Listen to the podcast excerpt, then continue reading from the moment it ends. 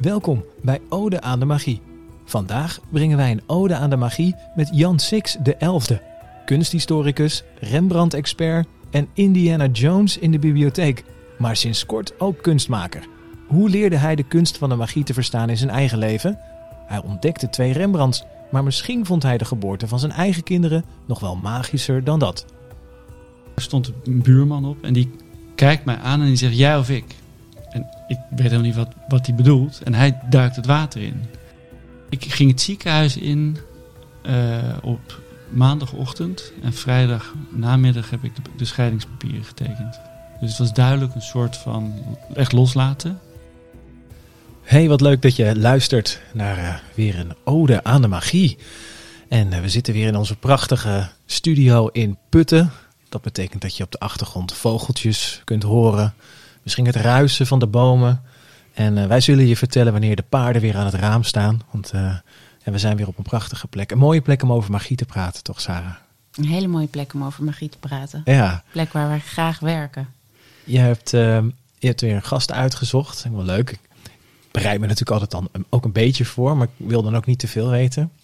Ehm, maar ik vind wel, jij, jij kan misschien vast wel in een paar zinnen vertellen voor mensen die geen idee hebben wie onze gast is.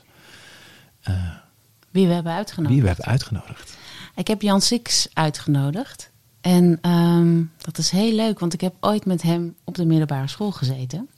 Maar we hebben elkaar nou, misschien wel 25 jaar niet gezien.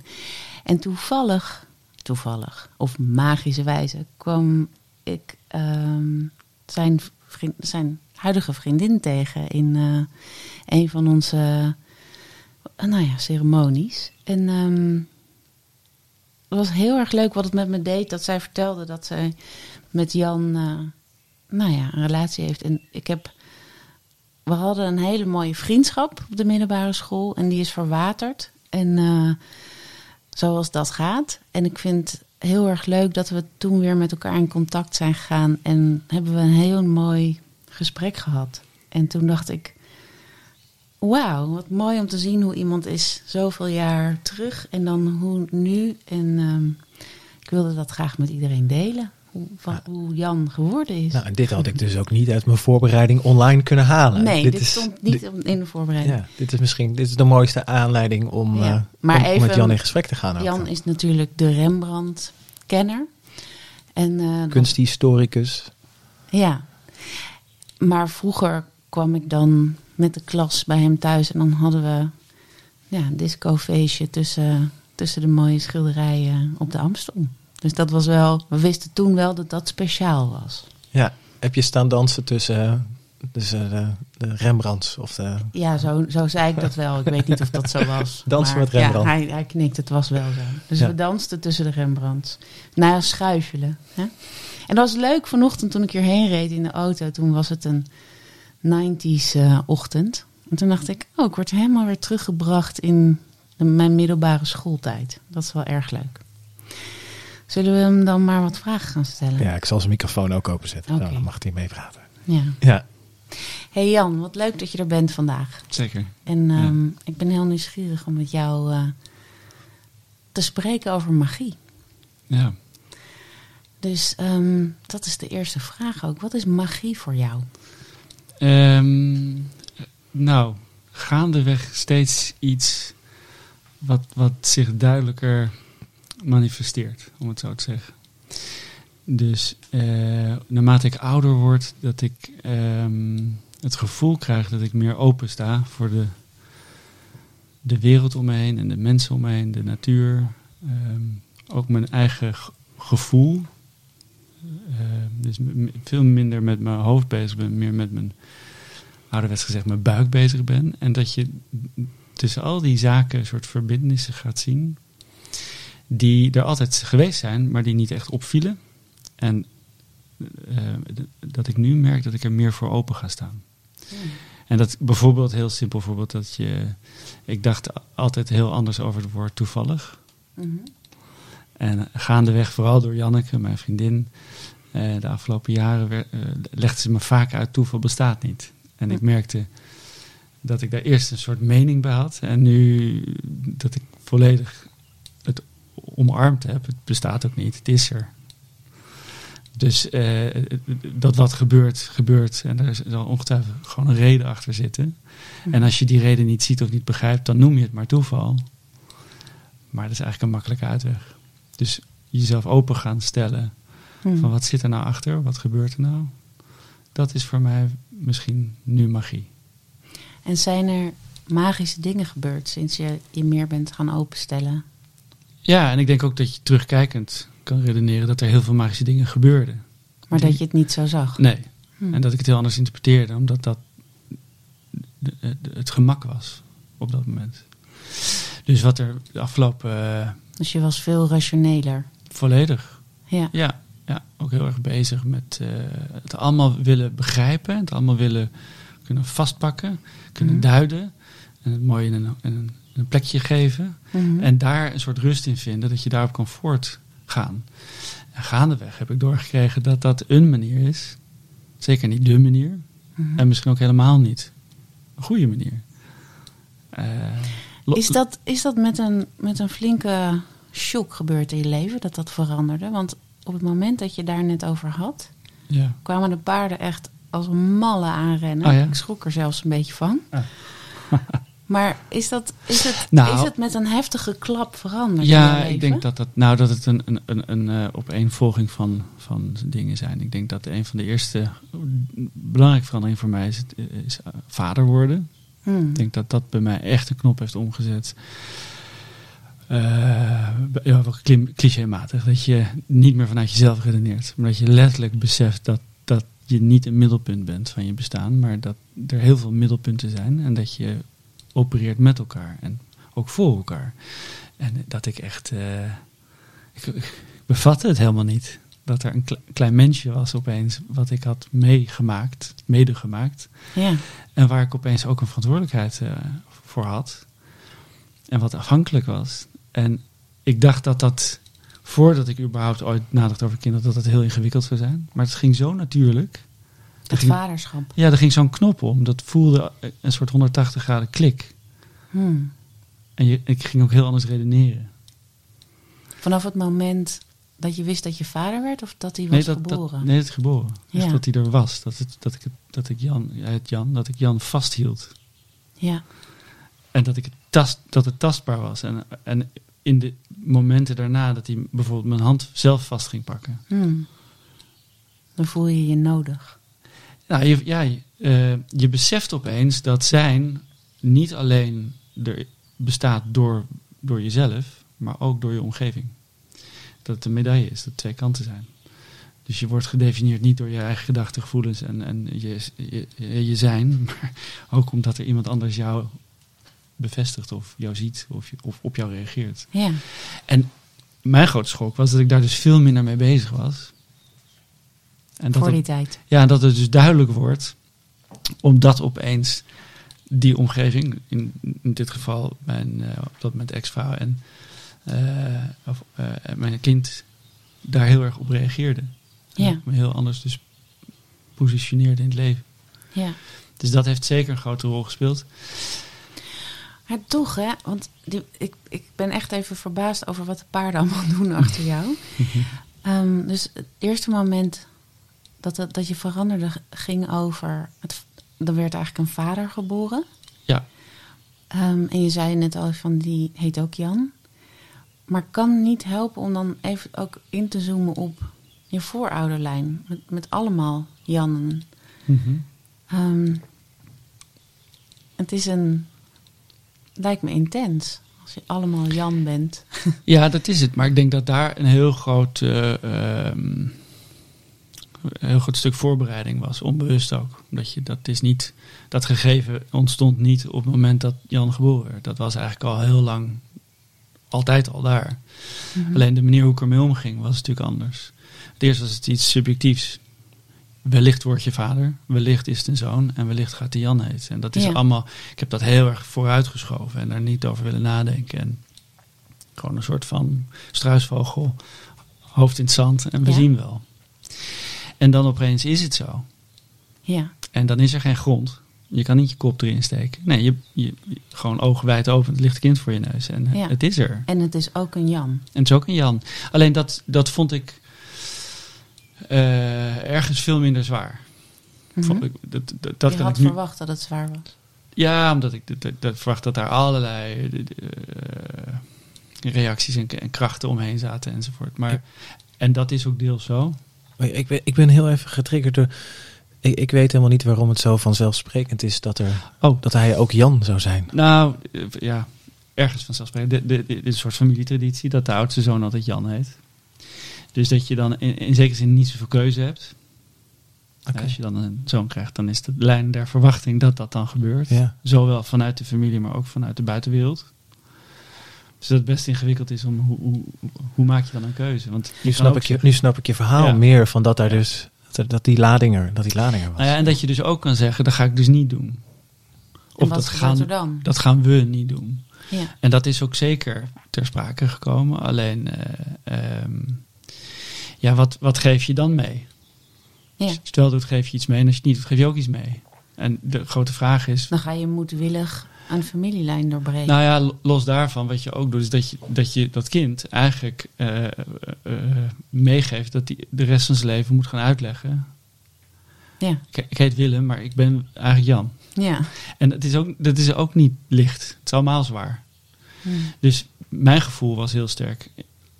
La- laat, laat het maar gewoon gaan op de manier zoals kennelijk een lijn, hè, er een lijn is. Het, is dus geen toeval, het is, dus, het is er gewoon. Ja. En als dit kind zich gaat uitgroeien tot een heel eigen individu die daar niks mee heeft en dat niet wil, by all means, ja. verander je naam. En dan ga Dat je zou oké zijn voor ja, jou. natuurlijk. Ga je eigen leven leiden. Ik bedoel, wat Hmm. heb ik daar verder mee te maken? Ik- Het is onze westerse traditie kennelijk, of wereldtraditie, dat wij als ouders een naam geven aan een kind. Ja. Maar je zou ook kunnen stellen, is dat eh, reëel en is dat modern? En Ja. doet het er echt toe? Nou ja, ik werk in mijn werk met voorouderlijnen en ancestral cleaning. En ik ben opgegroeid met foto's van mijn opa en oma op, op het dressoir van mijn moeder. Dus daar had ik wel een beeld van. Maar toen ik in jouw huis kwam, was daar, omdat er een schilderij van is, echt een verre voorvader die meekijkt Ja. in, in, het was net alsof je dan met, echt met voorouders in huis leeft. hoe ver is dat Ja. terug? Dat, dat schilderij waar je over praat is een schilderij van jouw familie? Ja. Van, van hoeveel voorouders geleden? Eh, elf. Wauw, Dus eh, zeg maar 1650, 1660. elf Jannen voor jou. Ja, tien. Want ik ben, Oh ja, jij bent... jij bent ik de ben, ik ben het- het gekke getal. Ja. En dan is dat niet zomaar geschilderd door iemand, maar dan Ja. is dat Rembrandt. Ja. Dat, is, dat geeft een soort Ja, maar ik denk dat dat, dat dat er een heel groot onderdeel daarvan is, is wat wij als samenleving toedichten aan die, aan, aan, aan die persoon, aan het explosieve rondom eh, ons Nederlands genie in de schilderkunst. Ja, En dat is natuurlijk een beetje flauw om te zeggen, maar als je heel erg in de kunst je, Mhm. je, je bezighoudt, dan ga je natuurlijk ook wel doorkrijgen dat Rembrandt niet alleen op een eilandje staat. Dat er heel veel hele goede schilders zijn. ja.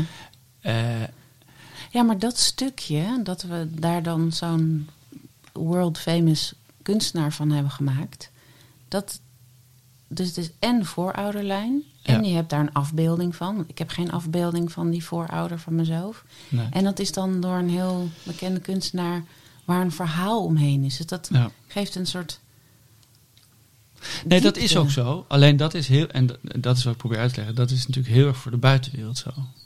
Ja, Zelf, als je dat continu als een soort mantra blijft herhalen, word je net gek. ja, Dus je, je leert, althans ik leerde heel jongs af aan al, ja, het is kennelijk allemaal bijzonder, mhm. maar ik vind het minder bijzonder, want anders kan ik er niet mee leven.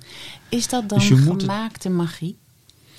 Nou, dat is misschien, ja, verwoord het beter, dat is misschien denk ik wat de buitenwereld is gaan doen. Ja, is dat wij allemaal ehm, kapstokjes nodig, culturele kapstokjes nodig hebben om onszelf te kunnen verhouden tot ons gemeenschappelijk verhaal. Dus Admiraal de Ruiter, Willem van Oranje, dat, dat, die is van ons allemaal.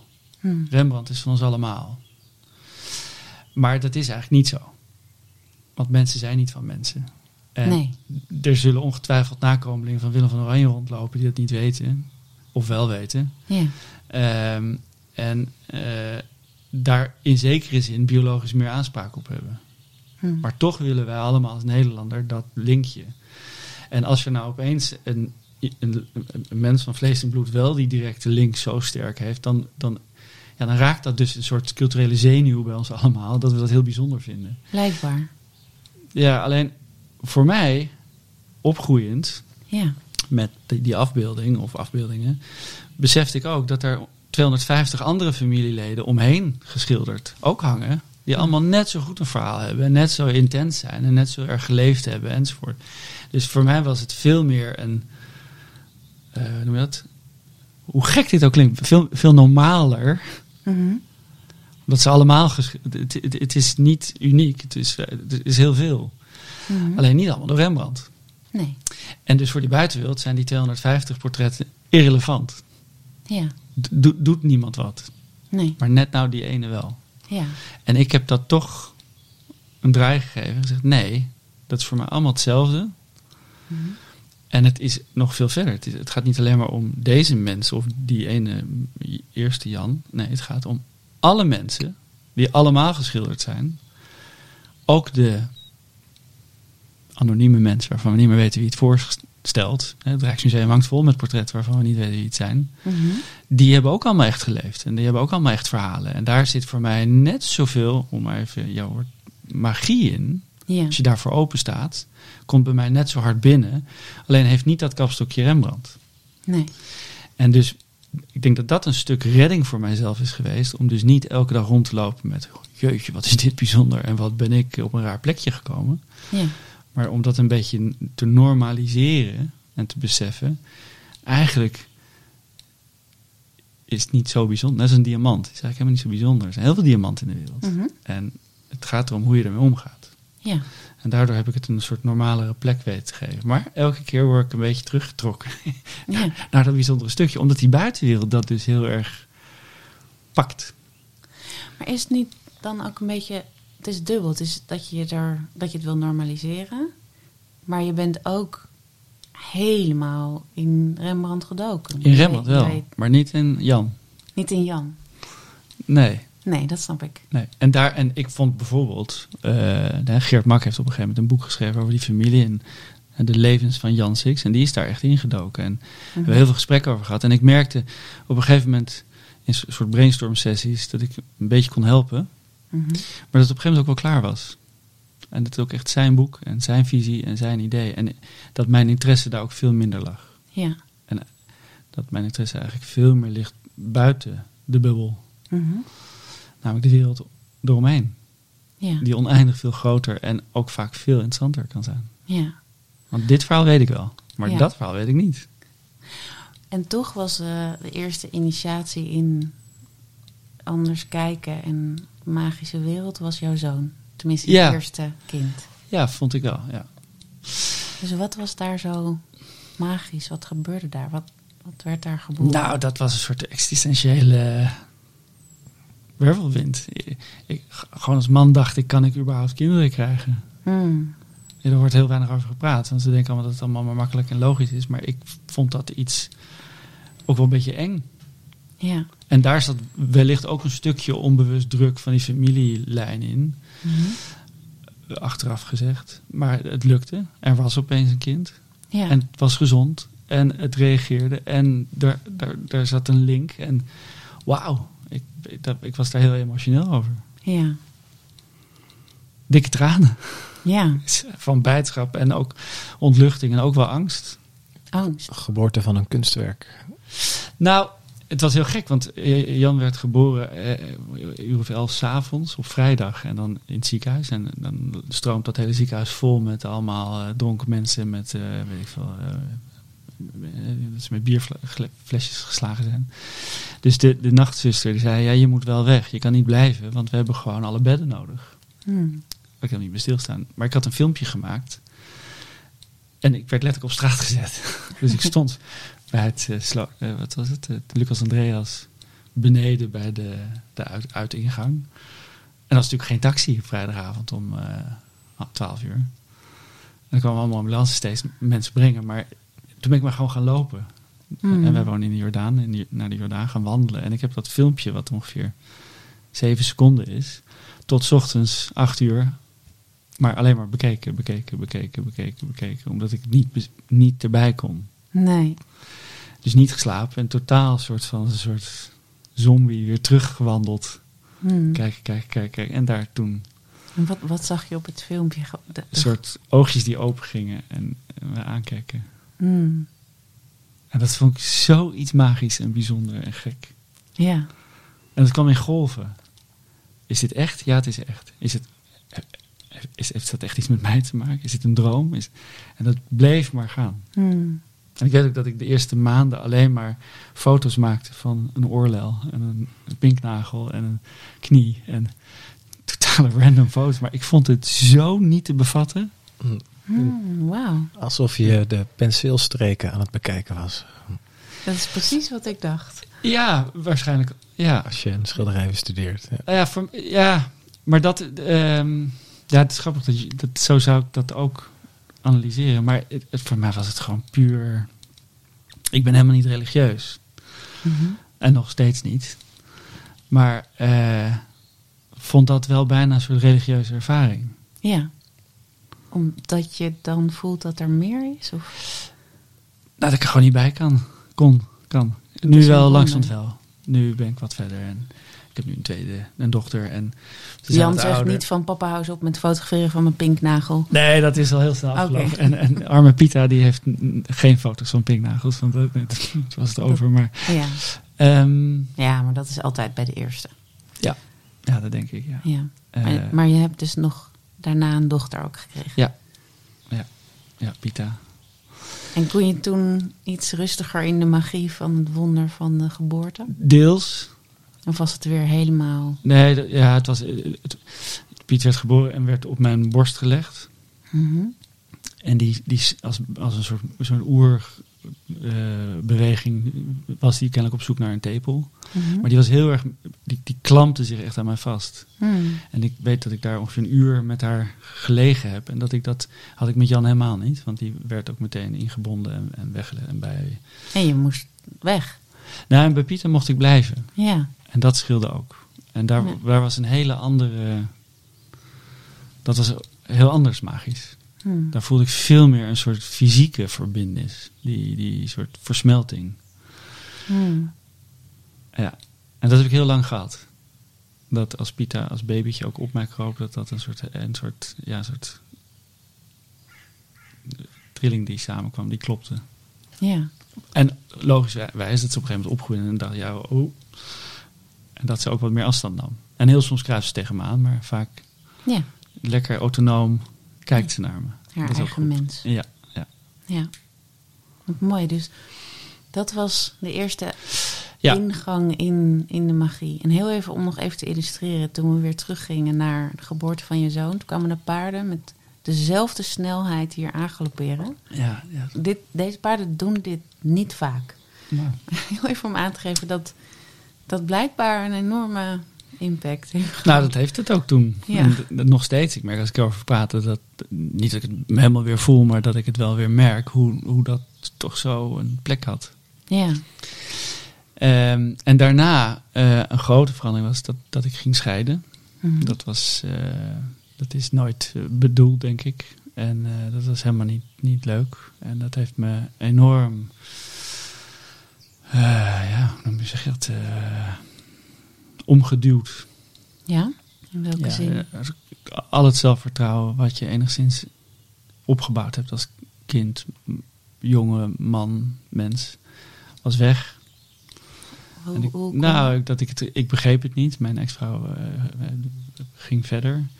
En ik, eh, ik, ik begreep het niet. En ik Mm. wilde er ook niet aan. Ik, ik heb heel lang mezelf er tegen verzet. En geprobeerd het te, te lijmen, te goed te maken. Maar da- daar ging het helemaal niet om. En ik ging het ook helemaal niet zelf aan. Ik ging het vooral eh, naar buiten. Ik legde het bij haar neer. En ik legde het bij de wereld om me heen. En ik, ik, ik, er was duidelijk iets wat ik nog moest... eh, Je werd slachtoffer van de scheiding. Volledig.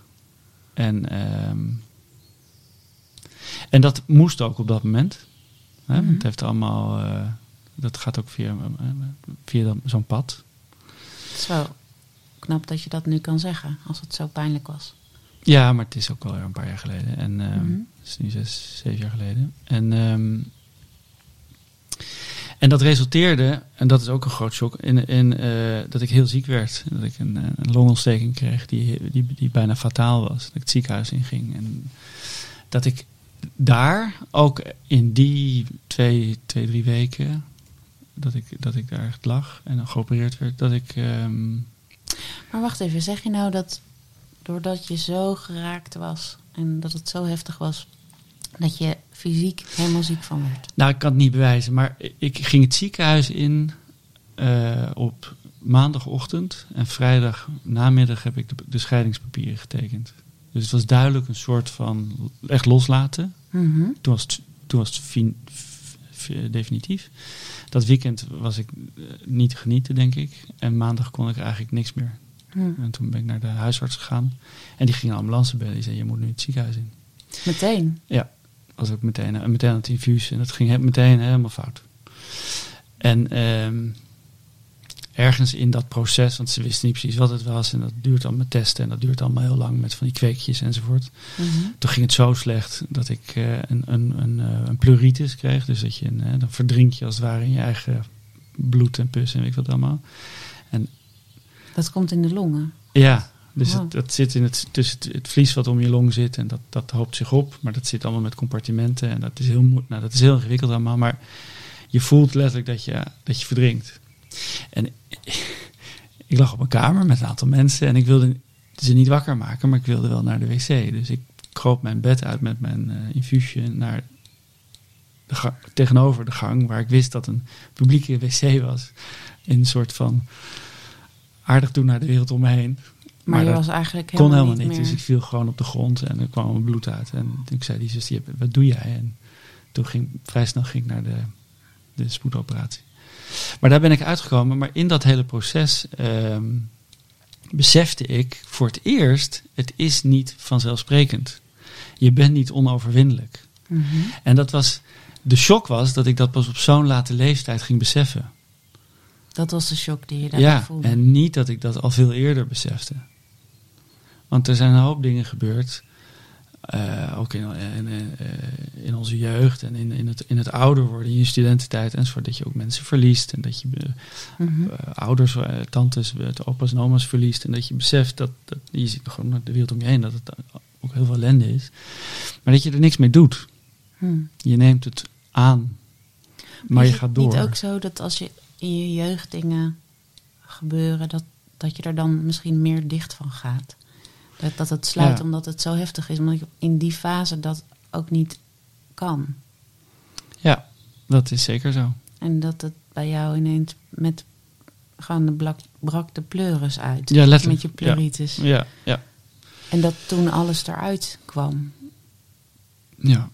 Want als je jong bent, dan, dan probeer je je te bewapenen daartegen. En het lijkt wel alsof nou, eerst de geboorte van de vader de opening was naar Ja, wie ben ik. En ja en, en wat ik al eerder zei, dat je dan later, zo nu terugkijkt op gebeurtenissen en ze dan toch een soort andere plek geeft en beseft, oh wacht eens even, daar was echt wat aan de hand, maar ik deed er niks mee. Of ik zag het nog niet goed. Dus in mijn studententijd ehm was ook een heel raar moment op de Amstel, waar jij ook als kind naartoe ging, Mhm. was ik een keer in een weekend. Ik denk dat ik een jaar of eh, twintig was of zo, of 21. En ik ging met mijn vriendinnetje op dat moment naar een huwelijk Mhm. van oudere bekennissen, die, want wij waren begin twintig. En we waren eh, vroeg, het was vroeg op de ochtend. en we, we, we gingen nog een kop koffie drinken. En ehm, voordat we weg zouden gaan, stond ik bij de voordeur, omdat daar de receptie van je telefoon beter is. En ik stond uit het, de, de, de deursglas, stond ik te kijken naar de Amstel. Mhm. En ik gewoon aan het bellen. En terwijl ik daar sta, zie ik dat een geparkeerde auto opeens gas geeft. Gewoon vol gas. En aan de Amstel op de kade heb je zo'n klein stang, weet je, langs de Ja. grachten. Die de auto's normaal een beetje tegenhoudt. Maar dit maakte meteen een klap en hij schoot zo over dat ding. Dat is vol gas. In, de, in het water. Mhm. Dus in, de, in de gracht. Ja. En ik schrik ervan, doe de deur open, ren naar die parkeerplaats. En de, we hebben voor het huis een grote woonark. En daar stond een buurman op en die kijkt mij aan en die zegt jij of ik. En ik weet helemaal niet wat, wat hij bedoelt. En hij duikt het water in. Die auto die was aan het wegzakken. En die komt daaruit. Die gaat onder water. En die komt eruit met een man om, die die zo omklemt. En zwemt naar de kade. En ik trek, ik ga op mijn knieën en ik trek die man. Hij duwt hem, probeert hem omhoog te duwen. En ik trek die man zo naar, naar boven. Hmm. En terwijl hij uit het water komt, zuigt het water natuurlijk aan een lichaam. Hè. Dat, Mhm. Een soort vacuümtrekking is dat. En ziet dat er midden in zijn borst een mes zit. En die, die zuigkracht, die trekt dat mes eruit. En in één keer gaat al het water, al het bloed... Die man had zelfmoord gepleegd, Hmm. op poging. Ja. En terwijl die eruit komt, ik, ik hoop maar dat hij al overleed direct. Maar al dan niet is hij daar op die kade overleden. Hmm. En dat is natuurlijk echt een traumatisch shockmoment. Ja. Als, je, als ik er nu over praat, denk je, jee, dat, dat ik dit met die buurman, dat we dat hebben meegemaakt. ja, het is niet een... Heel heftig. En ik, ik was natuurlijk ook even van de leg. Ik ben wel kennelijk naar dat huwelijk gegaan, dat herinner ik me nog. Hm. En een week later of zo werd ik gebeld en dan moest politieverhaal, alles opschrijven. En toen kwamen de familieleden van deze jongen vragen, wat, wat kan je ons vertellen? Maar ik kon natuurlijk niks vertellen, want hij was al weg. Hij heeft niks gezegd. Nee. Ik kon alleen maar vertellen wat ik meemaakte. En dat heb ik echt, zoals jij net zei, weggestopt. Hmm. Gewoon compleet, nooit maar aan gedacht. Bestond niet. Naar het huwelijk gegaan en klaar. Wat heel raar is. Hmm. En toen Nou, ik het is een zelf- overlevingsmechanisme. Puur. En toen ik zelf in dat ziekenhuis lag, kwam dit ook heel sterk terug. Dat ik dacht, wacht eens even. Die jongen is echt overleden. En dit kan jou nu gebeuren. Dit, is, dit stopt. En dus dat oude idee van de, hè, je, de film van je leven en je kinderen. Ik zag heel sterk eh, Jan en Pita voor me voorbij flitsen. En dat, nee, nee, nee, nee. Dit is niet, dit is niet mijn moment. Ik maar heb, was het een, een- echt een, een moment dat je dacht dat je ging? ja, In het Dus in dat- in toen die je, gang? Toen je viel. Ja, toen dacht ik, voelde ik echt, weet je wel, dat je in een zwembad iets te lang onder water zit en denk je, oeh, nu moet ik wel adem gaan halen. Heel Mhm. sterk dat gevoel. Eh, en ik heb ook geen idee hoe, hoe ze me daaruit hebben gehaald, want ik herinner me daar ook verder niks meer over. Nee. Eh, En toen ben je acuut geopereerd. ja, toen ben ik, nou ja, ik weet, dat weet ik verder niet hoe dat in tijd is gegaan, maar waarschijnlijk wel vrij snel. Hmm. En ik herinner me ook nog dat ze de narcose niet helemaal goed hadden inge... Dus dat ik ergens wakker werd. Oh. terwijl ze bezig waren. Dat was, gelukkig herinner je pijn niet, Mhm. maar ik herinner me wel het moment. En dat ze me meteen weer platlegden. En dat waren allemaal momenten die je dan meemaakt en die heel, heel erg binnenkomen. Ja. Omdat het zo surreëel is Ja. en dan is het opeens reëel. Dus toen ik daaruit kwam en weer gewoon kon ademen en na ademtherapie en na jezelf weer opbouwen, Mhm. Toen ging, draaide heel veel om. Toen, toen nam ik de rust in mijn hoofd om te gaan nadenken: wat heb ik nou eigenlijk allemaal meegemaakt de afgelopen jaren? Wat is hier nou? Welke trein is er over mij heen gedonderd? Ja. En waarom sta ik nog? En wat ga ik hiermee doen? En eh, toen heb ik echt een, een, lange periode ben ik alleen geweest. Ben ik Mhm. dat heel erg gaan proberen plek te geven. En toen kwam ik Janneke tegen. Hmm. Denk ik op het moment dat ik weer stond. Ja. En Janneke was is zeker de laatste grote verandering geweest die enorm veel impact heeft gemaakt. Ja. Maar nog heel even Ja. over... Je vertelde over je longen dat het voelt alsof je verdrinkt. En er was veel bloed. Ja, En die ervaring met die man, met dat mes. ja, dat is- Ook ja, op die ook plek. bloed. Eh, ja. en, en toen Jan En geboren het was ook heel veel bloed. En het, ja, dat zijn allemaal symbolische, komt steeds terug. Kennelijk. Maar ook dat hij het water in ging. Ja, ja. Ook het verdrinken. Ja. Het element water daar steeds in terugkomt. En als jij het dan verbindt met eh, dat je toen weer ging voelen. Voor ons werken we werken met de elementen. En element water staat voor het gevoel. Nou, dan is het heel prachtig hoe het allemaal samen. Daar heb ik nooit zo over nagedacht. Maar dat is zeker de lijn. Dus zeker zit, zit dat erin. Dus je moest, het moest wel ver gaan. Bijna Ja, tot op maar dat was dood. Voordat jij het gevoel weer toeliet. Ja, dat was ook de grote schrik. Niet in het moment en net daarna, maar nu jaren later, dat je dit dus een plek kan gaan geven jezelf. Dat je opeens beseft Het moest dus zo ver komen Ja. om het aan te gaan. Hmm. Je, je moet zo ver de deur op je neus krijgen Ja. en echt een klap maken voordat je wakker wordt en beseft, hey, ja, dus je bent echt geschrokken van hoeveel er Oh, nodig was joh. om jou... echt heel erg geschrokken. En Ja. ehm, ik had er gisteren met Janneke nog over in een heel andere context, maar dat ze zei, het, ik vind het frappant hoe je, hoe, hoe je leert beseffen dat er dat veranderingen soms nodig zijn, maar dat je Mhm. er dan ook wat mee doet. Ja, En in hoeverre je er dan ook goed in bent, dat is, dat is een heel ander verhaal. Maar het feit dat je het aangaat. ja. En dat vind ik iets, eh, dat vind ik iets heel bijzonders. En dan het volgende stukje wat ik heel bijzonder vind. Is, want je zei van, en toen ben ik Janneke tegengekomen en dat was een grote verandering. Daar wil ik zo Ja. alles over horen natuurlijk. Maar ehm, we hebben het gehad over je voorouderlijnen, de mannen, de Jannen. En ook jouw rationele manier van in het leven staan. En ook ehm, nou ja, dat als overlevingsmechanisme. En het lijkt wel alsof het op het moment dat je de vrouwelijke Jan, de Janneke tegenkomt Ja, dat dan het gevoel, en dat hoort ook bij het vrouwelijke, absoluut. er echt in komt. Dus ik vind dat heel mooi dat je van Jan naar Janneke gaat. Ja, ja wat grappig, ja. Dus Eh, zeker. Maar ik denk, en jij kent me natuurlijk lang. Ik denk dat dat er altijd wel was. Want ik Mhm. was niet een macho jongen. Ik was een... Ik was veel meer een... een, een, ehm, een, een, een- ja, een, vo- een voeler. Ja. Een ge- gevoelig jongetje. heel, In, in een eigen wereldje. Heel veel aan tekenen en heel veel aan het, aan het bedenken. ja, En niet beredeneren, maar bedenken. ja, Eh, en dus dat, eh, eh, dat vrouwelijke stuk was er altijd, maar ik, ik ging er niet. maar je hebt het dicht gedaan. Ja, en ik ging er op een rare manier mee omdenken. Of raar, met een, met een misschien niet handige manier mee om. Of ik liet me te veel leiden nog door die, die, die mannelijke buitenwereld. Maar Hoe, hoe bedoel je dat? Nou, grappig. Ik denk hier nu even eh brainstormend aan. Maar in, in ons gesprek toen we elkaar weer zagen, Mhm. toen hadden we het over. ehm, jij vertelde, je was vaak boos.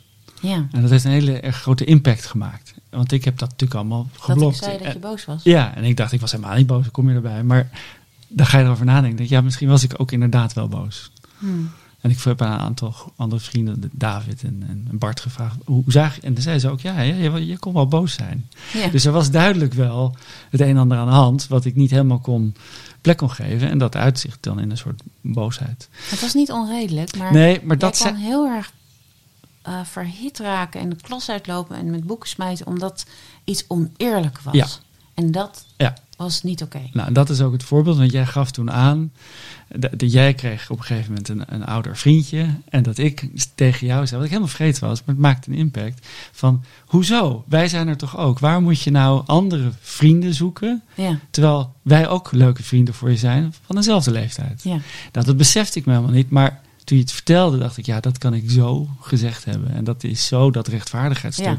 waar ik me dan zo over kan opwinden. ja, En dat is ergens veel meer die vrouwelijke ja, energie, denk ik, of kracht of, of gevoelens, ja. die dat via gevoel redelijk willen maken. In plaats van heel macho, stoer willen doen en eh, een soort willen bewijzen, eh, we doen ertoe. Nee, ik wilde een soort connectie met je maken. En dat Ja. je je breekbaarder opstelde en je eerlijker opstelde. Want dat wilde, daar snakte ik ook zo naar. ja. Jij kende mij precies in een periode dat ik dat niet ging doen. Ja. en dus ging ik daaraan trekken. Ja, Want dan dacht ik, het is er wel. Sarah, hallo. ja, Waar ben je nou, maatje? ja. Ja, En je had ook gelijk. Alleen ik, Ja. ging- ik was toen al aan het dichtgaan. ja. En dat, dat is precies waar ik net even aan zat te denken. Van, we hebben het volgens mij over eh, nou, hoe door allerlei heftige belevenissen je eigenlijk open bent gegaan. En Ja. je open aan tafel zit. En heb, jij ook, heb jij ook beeld bij waarom je misschien dicht bent gegaan? Angst. Voor is wat? het eerste wat in me opkomt. Nou, omdat je. ehm, ja.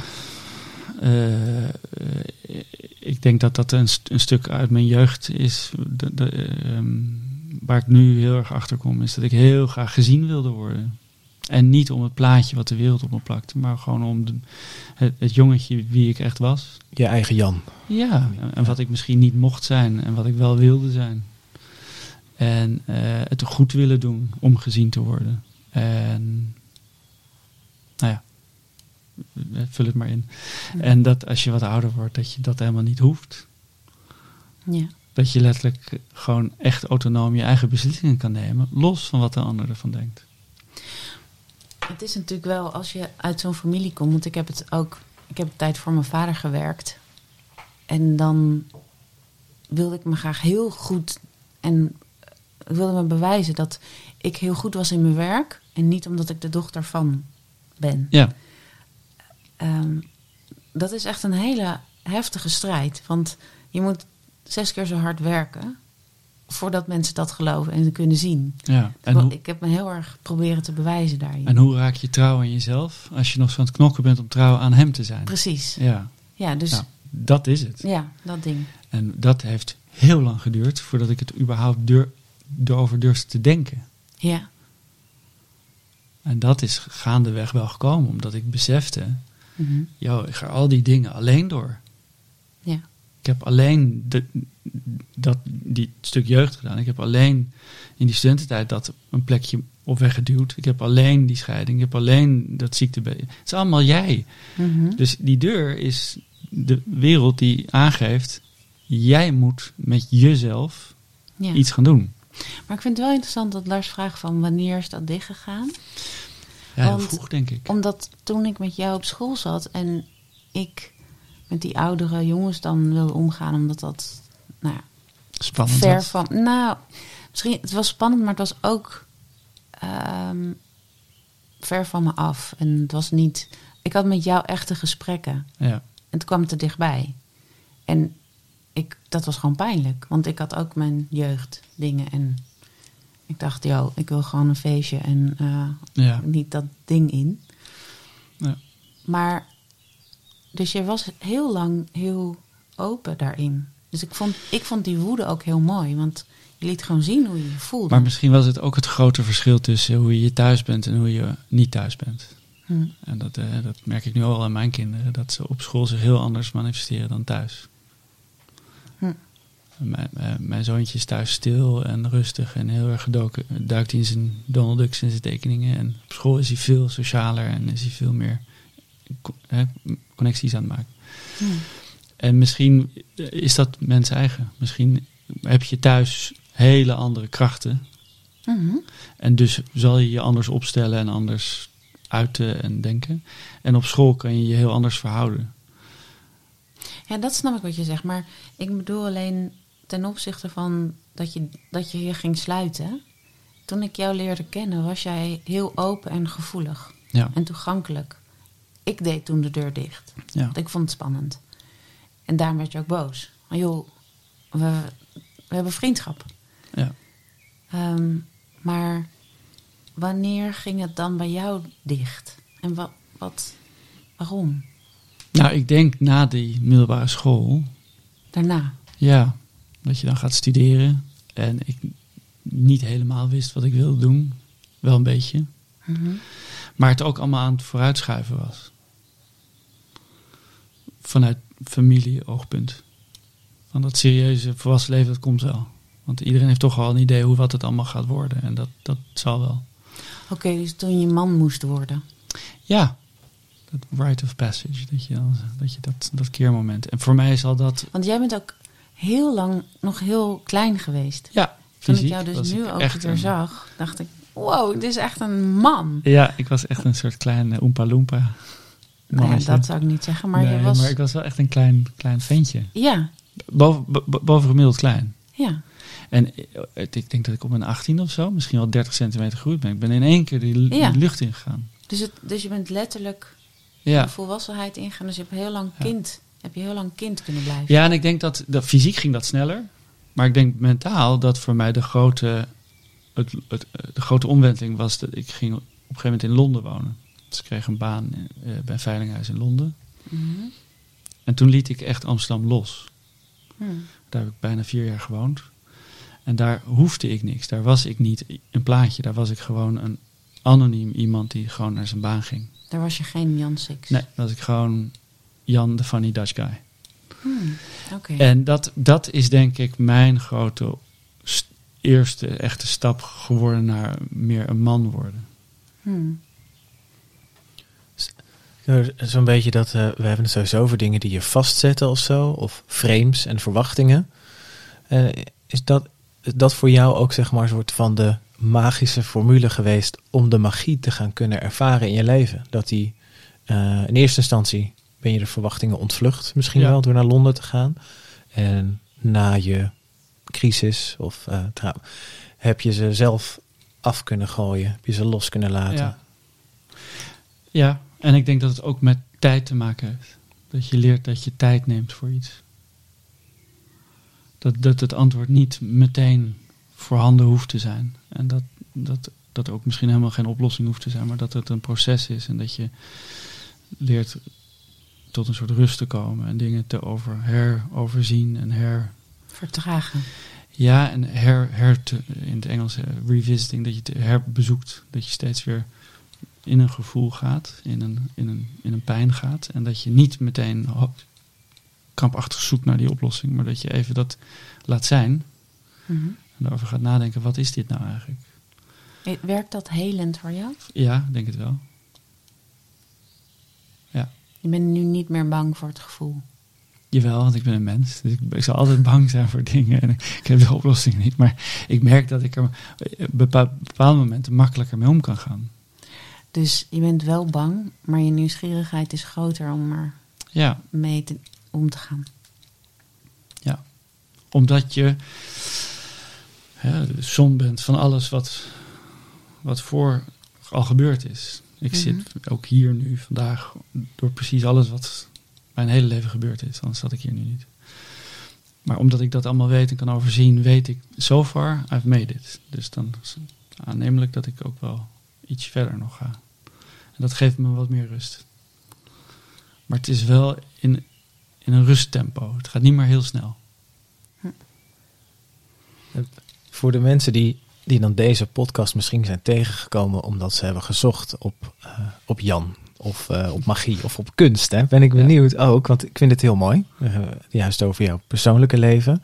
In hoeverre is die, die omslag, noem ik het dan maar eventjes, eh, na het ziek zijn, scheiding, en, heeft het ook effect op hoe jij in je werk staat? Want ik vind dat, vind dat namelijk ook een, ma- een magisch iets, kunst. Ik vind het ook deels ongrijpbaar en zo. Zeker. Nou, jij, jij zoekt, eh, je doet onderzoek, en je, je vindt eh, soms ook werken. Ehm, ik ben gewoon benieuwd. Of, deed je dat misschien eerst meer wetenschappelijk en is dat ook magischer geworden? Of, eh, hoe- ja. Ehm, nee, nee. eh, eh, dat is een gecompliceerd antwoord. Ik denk dat. dat is ook een gecompliceerde vraag. nee, sorry. dat Nee, ik vond het ik denk dat het een eerst heel, snel ging. Dat- vanuit de veilingwereld. Daar heb je, heb je gewoon deadlines. En je hebt maar zoveel tijd om een schilderij te onderzoeken. En dat ging allemaal vrij snel en ook eh, incompleet. Je, je hoeft niet alles te weten. En het, het, het, ehm, nou, de, de krachten werken heel anders. Het vaststellen van een waarde of zo en door. Of, Ja, en eh, eh, je hebt zoveel uur voor per schilderij voor onderzoek. En op een gegeven moment, het is veel meer een soort, soort zakelijk proces. Eh, toen ik besloot, dit ga ik niet meer doen. Nu ga ik het voor mezelf doen. Wa- Was een, een belangrijke keuze. Ga ik dat doen zoals alle handelaren dat in de kunstwereld doen? Of ga ik mezelf uitvinden? En heel sterk voelde ik, nee, ik wil niet in die handelshoek zitten. Ik wil, ik wil iets, ik weet niet wat ik wil, maar ik wil iets heel anders. Dus geen beurzen, niet al- alleen maar adverteren, niet alleen maar jezelf verkopen, maar heel erg naar, naar het object toe. Naar het, het, ja, het intrinsieke object. En iets wat steeds bij me bleef is een schilderij, is, een, of een tekening of een beeldhouwwerk, is een uiting van een mens. Dus een soort discussie van die persoon naar jou als een ander persoon, waarbij je niet discussieert, want je kan niet iets terugzeggen. Dus ik vind het altijd een, een soort enorm eerbetoon als je een, een, kunstwerk analyseert of bekijkt aan die kunstenaar. Alsof je een gesprek aangaat met een kunstenaar. Want als je goed kijkt, geeft die kunstenaar precies aan wat hij gedaan heeft. Hoe, die dat helemaal, hoe dat helemaal ge- gecreëerd is. En dat, dat, dus ik, ik, vind het, ik vind het menselijke aspect in het object zo ontzettend interessant. Maar dat is niet waar die kunstwereld over gaat. Nee, Die gaat eigenlijk eh, heel plat over geld. totaal. Steeds meer. En eh, ook de academische wereld gaat steeds meer over wel of niet. Maar niet meer over wat is het dan. Dus in dat proces, en daarom is het een, vind ik een hele leuke vraag, ging ik steeds meer van dat duidelijke, afgebakende riedeltje. eh, het is door die en het is zoveel waard en, enzovoort. En wie is het kopen? Ging het naar waar kijk ik nou naar? Hoe plaats ik het in het grotere geheel? En vind ik het mooi? Kan ik er door ontroerd raken? Kan ik er begeisterd door, door worden? En dus als ik terugkijk naar alle eh, schilderijen die ik als handelaar heb aangekocht of heb behandeld, wat dan ook, word ik steeds minder commercieel. Blijf ik veel, veel langer met dingen hangen, omdat het totaal niet commercieel zakelijk is, maar dat ik het zelf heel interessant vind en mooi vind. Eh, eh, en steeds minder nadenk, vind ik er nog wel een nieuw baasje voor. Hmm. Daartegenover staat wel dat je reëel moet zijn en moet leven. Dus het, het model wat ik, wat ik hanteer is dat ik echt grote ontdekkingen najaag. En dan echt ook een beetje geluk moet hebben dat het lukt. En daarop leef. En dan in de tussentijd speel. Met dingen die er niet zo erg toe doen. Maar die voor mij heel belangrijk zijn. Omdat ze gewoon voor mijn kadertje heel mooi zijn. Of heel spannend zijn. Of heel interessant zijn. Maar even daarover, dat je een beetje geluk moet hebben. Het Ja. is toch best wel magisch om twee Rembrandts te ontdekken. Ja. Want ik snap dat je geluk moet hebben en ik snap dat je een heel... Nou ja, het is bij gebrek aan een beter woord, want ik weet niet wat, wa- hoe je dat dan wel moet bestempelen. En die vraag is heel vaak gesteld. Waarom zie jij het wel en de rest van de wereld niet? Waarom overkomt het jou wel en de rest niet? En waar, eh, enzovoort. Dat weet ik allemaal niet. Ik kan het wel proberen te rationaliseren door te zeggen... ik ben sinds ik heel jong ben eh, daar heel erg mee bezig geweest. Ik heb heel veel boeken gelezen. Ik heb mijn ogen goed open. Ik heb talent om op een bepaalde manier te kijken naar de culturele wereld om ons heen. Dat zal allemaal wel. Maar is dat echt het antwoord? Want ik had met al die voorbereiding Mhm. ook nou net op vakantie kunnen zijn. Maar ik het niet gezien. Nee. Dus dat is niet zo simpel te beantwoorden. Daar zijn zoveel factoren die dan samen. Dat is echt magisch, Ja, zakelijk gezien. ja. Nee, dat is puur magisch. En dat zal het elke keer ook weer zijn. Het voelt ook bijna alsof het een soort van creatiekracht is. Want jij wilde dat zo graag. Dat je het, dat je het laat manifesteren, omdat je er zo, eh, ja.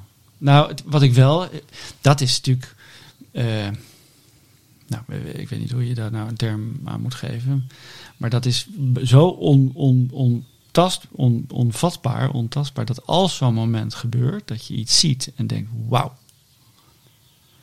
Dat is, dat, is, eh, dat is echt magisch. Mhm. Want daar kan ik helemaal geen enkele. Dan zit ik, dat is een paar keer gebeurd, dan zit ik letterlijk op mijn bureaustoeltje achter mijn computer, vaak laat. Mhm. Dan is, dan is de hele wereld is er niet meer. Nee. En ik zie dan iets. En dan, denk, dan is mijn eerste reactie, huh? En dan wil ik de hele wereld erbij trekken. Maar dat doe ik niet, want dat is helemaal niet relevant op dat moment. Mhm. Maar dat is echt zo van, maar dit kan helemaal niet. Dat je echt een soort jochie wordt die kwispelend Ja. zegt. Maar dit kan, dit kan niet, dit is zo, alsof Of je een iemand UFO... die net vader geworden is. Ja, Ja. maar dat je een UFO ziet vliegen en dat je dan eh, wel een fotorolletje had. En dat je wel, hè, dat je het echt, dan is het er echt. Maar dan ligt het toch ook aan vanuit welke intentie je komt. Als de kunstwereld gaat over geld. En bij jou hoor ik gewoon liefde eigenlijk. Nou ja, en ook een soort van enorme drang. En daar komen we terug naar dat eh, rechtvaardigheidsstuk van dat jongetje. Mhm. Een enorme drang om het te begrijpen. Wie Kijk, te ik- begrijpen? De, Ik vind, dat, begrijpen? nou, ik vind dat Rembrandt enorm misdeeld is in de afgelopen 400 jaar. Hij is, hij is enorm onbegrepen. Oh. Rembrandt is geplaatst via allerlei boeken en monografieën en verhalen enzovoort in een bepaald kader. En dat is heel cultureel bepaald. We hebben met z'n allen heel erg eh, geduwd naar een bepaalde richting. Duidelijk de genie-richting. En dat was, dat kun je allemaal cultureel verklaren. Eh, Nederland-België gaat uit elkaar en de Belgen nemen Rubens. Wij moeten ook iets, dus wij gaan maar Rembrandt pakken. En ehm, Rubens blijkt een, een diplomaat, een homo universalis, die kan eh, dichten, schilderen eh, en, en, en schermen tegelijk. En Rembrandt, die maakt ruzie met zijn huishoudster. Dus wij, wij, we, we bleven met iemand achter waar we, waar we misschien verkeerd op gegokt hadden. Dus Rembrandt is in een soort stoomcursus, in een soort, soort bijna in een blitzkrieg moment is hij gebombardeerd naar een supergenie. Mm. Om maar cultureel mee te mogen tellen. Dat is allemaal die 19e eeuw. Gaandeweg gingen we steeds meer nadenken en een beetje proberen mens van hem te maken. Maar nu nog steeds, in 2022, besef, besef ik in ieder geval, dat die interpretatie van Rembrandts werk en hoe hij zich manifesteerde, eigenlijk nog op hele oude principes berust. Mm. En dat dat Hij helemaal. wordt niet begrepen. Nee, hij wordt, hij wordt verkeerd begrepen. Identificeer jij je meer met Rembrandt dan met Six? Of volledig. Volledig. Eh, en niet zozeer met hem, maar wel met wat hij maakte. Mhm. Net zo goed dat, eh, dat je naar, bijvoorbeeld naar Bach kan luisteren. En dat je niet Bach heel interessant maar wel de tonen die je hoort. Wat, wat raakt je zo in zijn werk? Nou, eh, puur technisch is hij, staat hij heel erg alleen. Mhm. Is hij echt, echt heel goed. Mhm. Hij, hij heeft momenten in zijn schilderkunst. Dus in, als je allerlei schilderijen inzoomt en het kleine details eruit haalt. Mhm. En dat noem je dan momenten of quotes. sch- Schilderquotes. Die zijn zo goed. Die zijn zo sterk. Ik, dat kan, je, kan ik met bijna geen enkele schilder vergelijken. En dat is heel ingewikkeld via een podcast, via praten. Want je wil graag een plaatje laten zien en dan gewoon aanwijzen. Mhm. Maar eh, hij, kan iets wat weinig tot niemand anders kan. Dan ga ik je toch verleiden om Nou, woorden te geven. ik denk dat een schilder die we allemaal wel kennen is Bob Ross. Ja, Nou, dat herinneren we allemaal wel uit ons jeugd. Of, eh, van, ik wou net zeggen, dat was die tijd. Dat ja, ja, of later dat zo'n revival komt. En Ja. Wat Bob Ross al vrij vaak deed als trucje... is dat hij op zijn kwastje een beetje Van Dyke Brown pakte... en een Mhm. beetje Bone Black en een beetje Lead White. En dan in die zachte stem zei hij... en I'll combine it and look, there's a beautiful nice tree. En dan Mhm. deed hij één streek.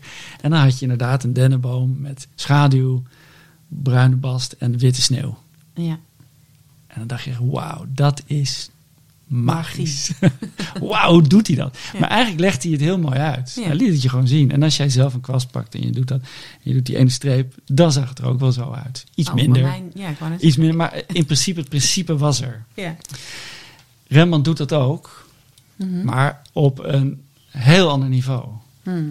Die doet dat niet met een boompje waar sneeuw tegenaan zit, maar die doet het met een oog. Ja.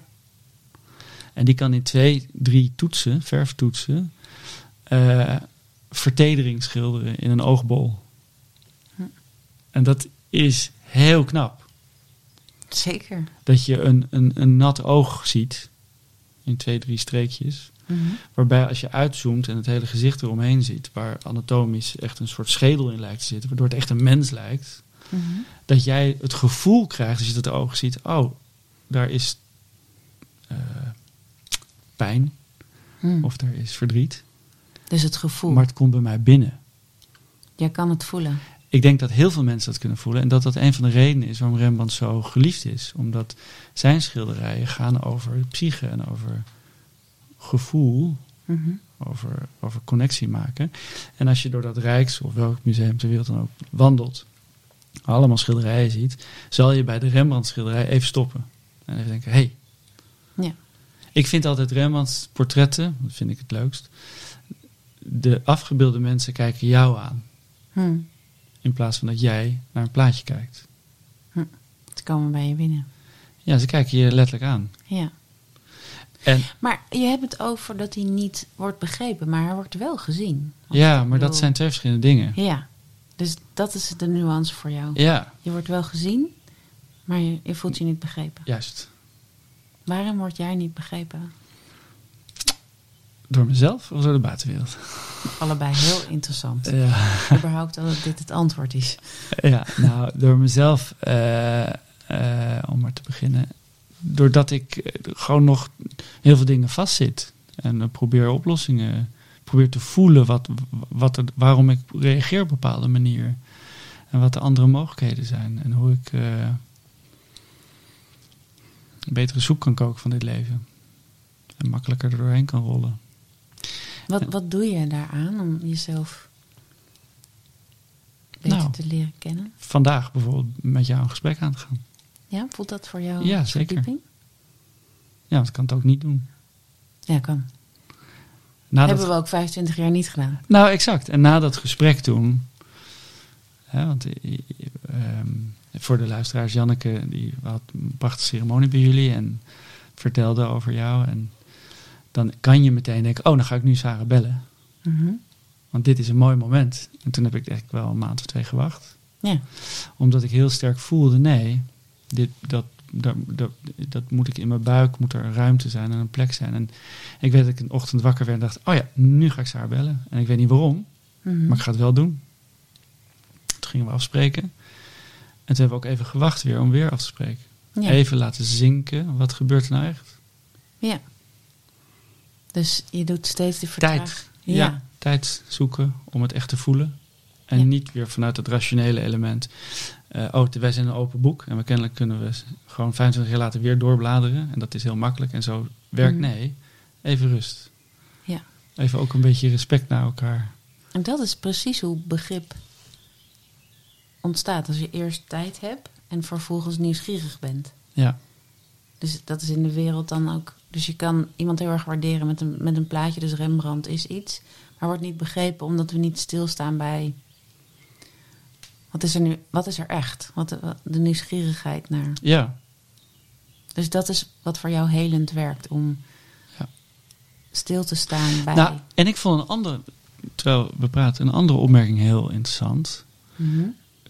En verbeter me als het niet zo is. Maar Janneke vertelde me dat jij aangaf, toen ze vertelde, eh, mijn vriend is Jan, dat je zei, oh, en dat het je deed herinneren aan een ander hoofdstuk van jouw leven. Mhm. En dat vond ik heel interessant, maar ook belangrijk.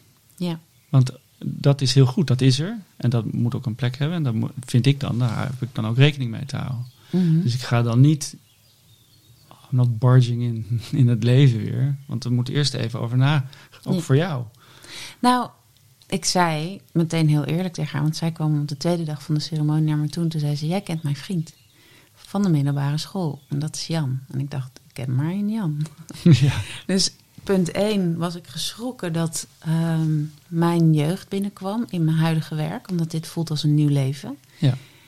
En daar ben ik heel comfortabel mee en heel vrij. Maar blijkbaar kwam er toch een soort van. "Huh, eh, vroeger, kom terug. Ja, En hoe is dat? En kan ik die werelden met elkaar verbinden? Dus ik, vond, dus ik zei tegen haar van, oh, dat vind ik wel spannend dat dat nu zo binnenkomt. ja, Ehm, nou, dus ik was er wel even mee bezig. Ik dacht, oh, Ja. dat komt dus nu ook binnen. en Dat is helemaal oké. Maar ik vond dat wel een beetje spannend. Dus ik, ja, ik kan me dat heel goed herinneren dat ik op weg was om met jou koffie te drinken. En ik dacht, oh, oh, hoe gaat dit zich eh, ja, nou, Ja, ja, het, ja. het- het meisje in mij wat zich wilde beschermen was ook wel. En ik dacht, laat dat en ga er gewoon open in. Hij weet wat je doet, want Janneke heeft dat Tuurlijk. verteld. En ook weer niet. Ja. Oh, Nee, maar dus, dus ja, dat was, met, dat was ook naar mij toe een... ehm, ja. Het, eh, het oude met het, met het nieuwe verbinden. Dus Ja. dat, ik, dat is een heel worden. Dat Ja. blijkbaar nog een spannend stukje. En zien dat dat jongetje natuurlijk ook gewoon doorgeëvalueerd is. Net zo goed dat dat meisje ook Ja. weer doorgeëvalueerd is. Ja. En dat vond ik ook interessant. Ja.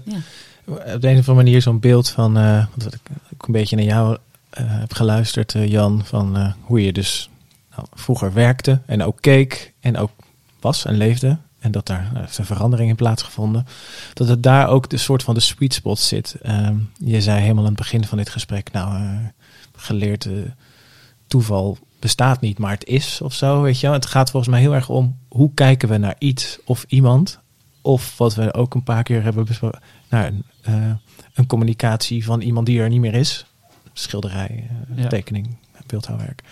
Maar dat dat heel erg, dat, dat speelt zich allemaal af in, achter onze eigen ogen. Het gaat om hoe jij kijkt naar. Ja, En Ja. dat we dus ook heel erg bezig kunnen zijn met hoe iemand naar ons kijkt. Het was letterlijk jouw vraag net aan Jan. Van, eh, van hoe. Wat, wat, wat, nee, wat was het nou? Zie je niet van jezelf? Of, wat, of hoe, snappen mensen jou niet? Of zo? Nee, ik weet het maar even niet meer. Dat, Maar, nee, dat hij zich meer identificeert met Rembrandt. ja, ja, maar over dat, dat, dat we dus. Jullie zijn anders gaan kijken naar elkaar. Ik, Ja, ehm, en jij kijkt anders naar, naar je werk en de dingen om je heen. ja. Naar, en naar de kunst die je En dus ook naar Sarah. speurt. Ja, Want dat is, eh, hè, laten we ook eerlijk in zijn, dat meisje wat dus afwees van nee, ik ben met andere vrienden bezig. Dat, wat, dat resoneerde wel, maar nu zegt dat meisje, nee, we, we zijn verder geëvalueerd en je mag er gewoon zijn. Ja. Letterlijk.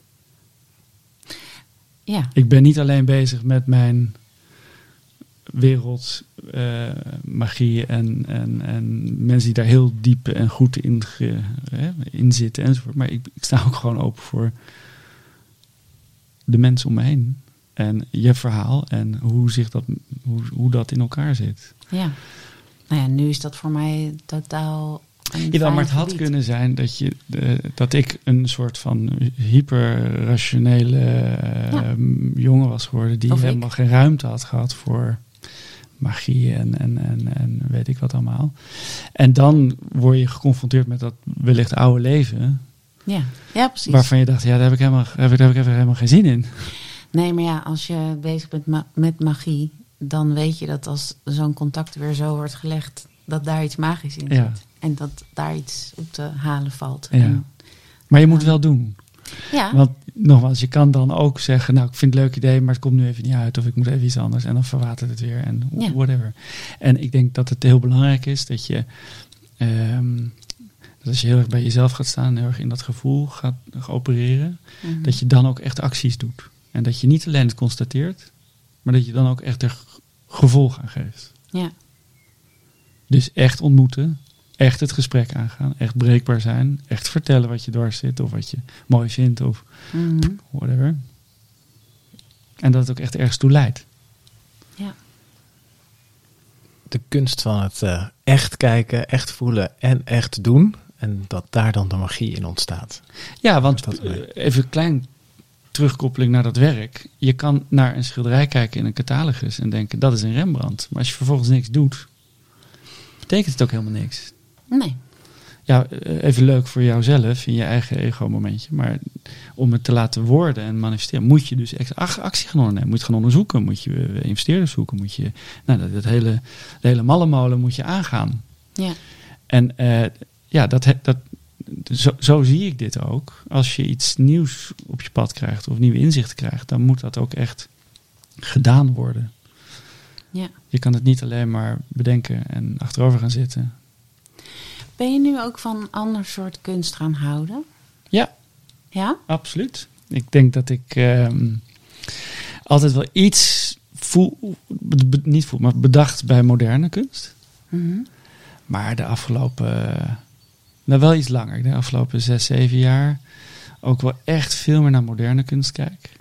En het interessante, twee jaar geleden waren we op vakantie in Frankrijk met de familie van Janneke. En we zaten s'avonds uh, te praten over allerlei dingen. En toen zei haar moeder op een gegeven moment, ehm, laten we uh, tarotkaart, tarotkaarten. Uh, Leggen. en, ik, en ik trok een symbool, ik weet niet meer wat, wat misschien, volgens mij een toren of zoiets. Maar in ieder geval, Mm. het stond voor grote veranderingen en voor, voor creativiteit. Mhm. Ik weet niet of dat het symbool is, maar er, er kwam uit. Nou, als je eh, het door krijgt, komt er grote verandering. ja. En toen zei ze: wat, wat, wat zegt dat jou?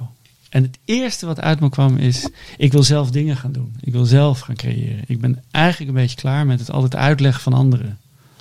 Dus toen kwam er een kunstenaar aan jou. Toen kwam er opeens een soort kiemzaadje naar buiten die zei: Oh, je mag eigenlijk ook best zelf iets. Je hoeft niet altijd maar aan de zijlijn van afstand te duiden. En Dus toen- je maakt nu dingen. ja, nou, toen hebben we het er ochtends over gehad. Jan zei, god, wat interessant dat je dat zo zegt. En zei ik, ja, maar dat durf ik helemaal niet. En eh, ik hoor ze allemaal al zeggen. Nu gaat hij ook zelf de kunstenaar uithangen. En zo. Dus ik was alleen maar bezig met hoe iedereen erop reageerde. En dat heeft nog best geduurd. Maar ik denk een jaar geleden of zo... ehm, was ik s'avonds kinderen in bed gelegd. En ik dacht, ga ik nou televisie kijken of een boek lezen? En dacht ik, nee. En toen zag ik een catalogus liggen van een Amerikaanse kunstenaar. Joseph Cornell. En dan raakte ik zo geïnspireerd weer door wat ik al eerder interessant vond, maar niks mee deed. En toen ben ik die avond gewoon gaan timmeren. En sindsdien maak ik eh, ja, objecten. Oh, wauw. En eh, een paar maanden geleden ben ik weer helemaal in fotografie gedoken. En Ja, dat probeer ik ook een beetje te combineren. En ik merk heel sterk dat ik daar heel veel meer plezier uit haal. Dan Maar schilderij wat, verkopen. wat timmer je dan? Wat, wat voor Eh, objecten? doosjes, kastjes. Gewoon een hele kleine soort van... ik zal ik kan ze je laten zien op iPhone. Maar een soort, ja, een soort verhaaltjes in, gevangen in een kastje. Ah. Wat je kan ophangen of op tafel kan zetten. Of in een la kan leggen en eruit kan halen. En sommige dingen bewegen en sommige dingen zijn statisch. En het wordt niet te veel uitgelegd. Dus het ieder- zijn wel jouw verhaaltjes. ja, maar ook niet, want het zijn ook jouw verhaaltjes. Het zijn ook jouw verhaaltjes, Lars. Het is als, je, als jij er naar kijkt, ga je, mag jij lekker aan de gang. Zoals een, een haiku in je Japanse gedichtvorm iets kan zijn, maar ook voor iedereen iets totaal anders kan zijn. Hm. Dus eh, mijn kinderen reageren er op een bepaalde manier op. En Mhm. Janneke reageert op een andere manier op. En jullie zullen er vast ook weer op een andere manier op reageren. En ik heb mijn eigen Ah, ja. idee erbij. En Want ik had natuurlijk verwacht dat je ging schilderen. Ja, maar dat vind ik zo ingewikkeld. Ja. En ik merk ook, dat daar ben ik natuurlijk compleet verpest. Want als je, als je v- 25 jaar lang de, de, de verftoetsen van Rembrandt probeert te ontwarren en probeert te duiden. En je zet daar dan je eigen Bob Ross veeg naast. Nou, dan val je wel erg door de mand. Ja. En, en besef je ook wel dat Rembrandt je alle lust voor het schilderen ontneemt. Ja. Er blijft niets over. Dan, dan, dan word je heel. Ik word gewoon depressief ervan, dus dat doe ik Ja. niet. Eh, ik heb het nog een beetje geprobeerd, maar dat werkte echt niet. Nee, En, mijn eh, moeder is ook schilderes. Of schilder, moet je tegenwoordig zeggen. Ja, Ik ga dat niet doen. nee. en fotografie is ook een soort vorm van schilderen, als het niet te precies is. Dus als je een beetje houdt van impressionistisch eh, vage beelden en, en ik- dat noemen we dan artistiek fotografie. Maar als je dat leuk vindt, en ik vind dat heel leuk, Mhm. dan kan je daar ook een soort taal in creëren. Dus je hoeft helemaal niet je dan in verf te bekwamen. Nee. Mooi. Maar het is dus veel meer jouw kijk. Ja, Dus Ja. hoe jij naar Rembrandt kijkt, ook hoe je beschreef, hoe je de details fotografeert van je kind. Als Ja. de magie in jouw leven komt, dat je daarop inzoomt. Vertelde je precies zo over als dat oog ja. wat Rembrandt schildert. Dus het, jij hebt een bepaalde manier van kijken. En dat, ik ben benieuwd wat voor verhaaltjes er dan in die doosjes zit. Nou ja, puur, puur visueel, los van doosje. ehm, in onze slaapkamer komt er uit de rand van het gordijn soms wel eens licht binnen. Wat we allemaal wel Mhm. Maar ik heb een schuin dak, waardoor je een heel rare vertekening krijgt. En achter mijn huis zit water. En dus vaak s'nachts of vroeg ochtends komt er dan wit licht wat beweegt. Zoals, Mm. hè, zoals water. Maar door die vertekening, ik weet niet waarom, misschien door de vorm van het gordijn, zijn het een soort lange strepen.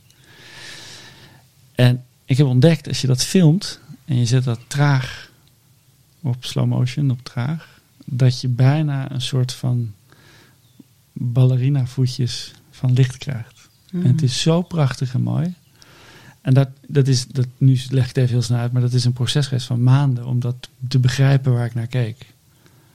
En dat opeens werd het echt wat en nu is het wat. En dat vind ik echt beeldschoon. Daar kan ik de hele dag zoek mee zijn. Ik ga je bedanken voor dit laatste beeld. Dat het weer over water gaat. Ja, Weer element water, Ja, de ja. dans van het water. Dankjewel, Jan. nou, alsjeblieft. Dank jullie wel. En jij bedankt voor het eh, luisteren. En eh, ja, als je geraakt bent, of misschien wel geïnspireerd, eh, kun je een paar dingen doen. Je zou deze podcast nog snel even kunnen doorsturen naar iemand die je ook wil inspireren. En dan zelf ook gaan creëren. Of gewoon naar kunst gaan kijken. Kunst in je omgeving, iets wat met jou communiceert. Daar zit magie in verscholen. Veel plezier daarmee. En tot de volgende uitzending.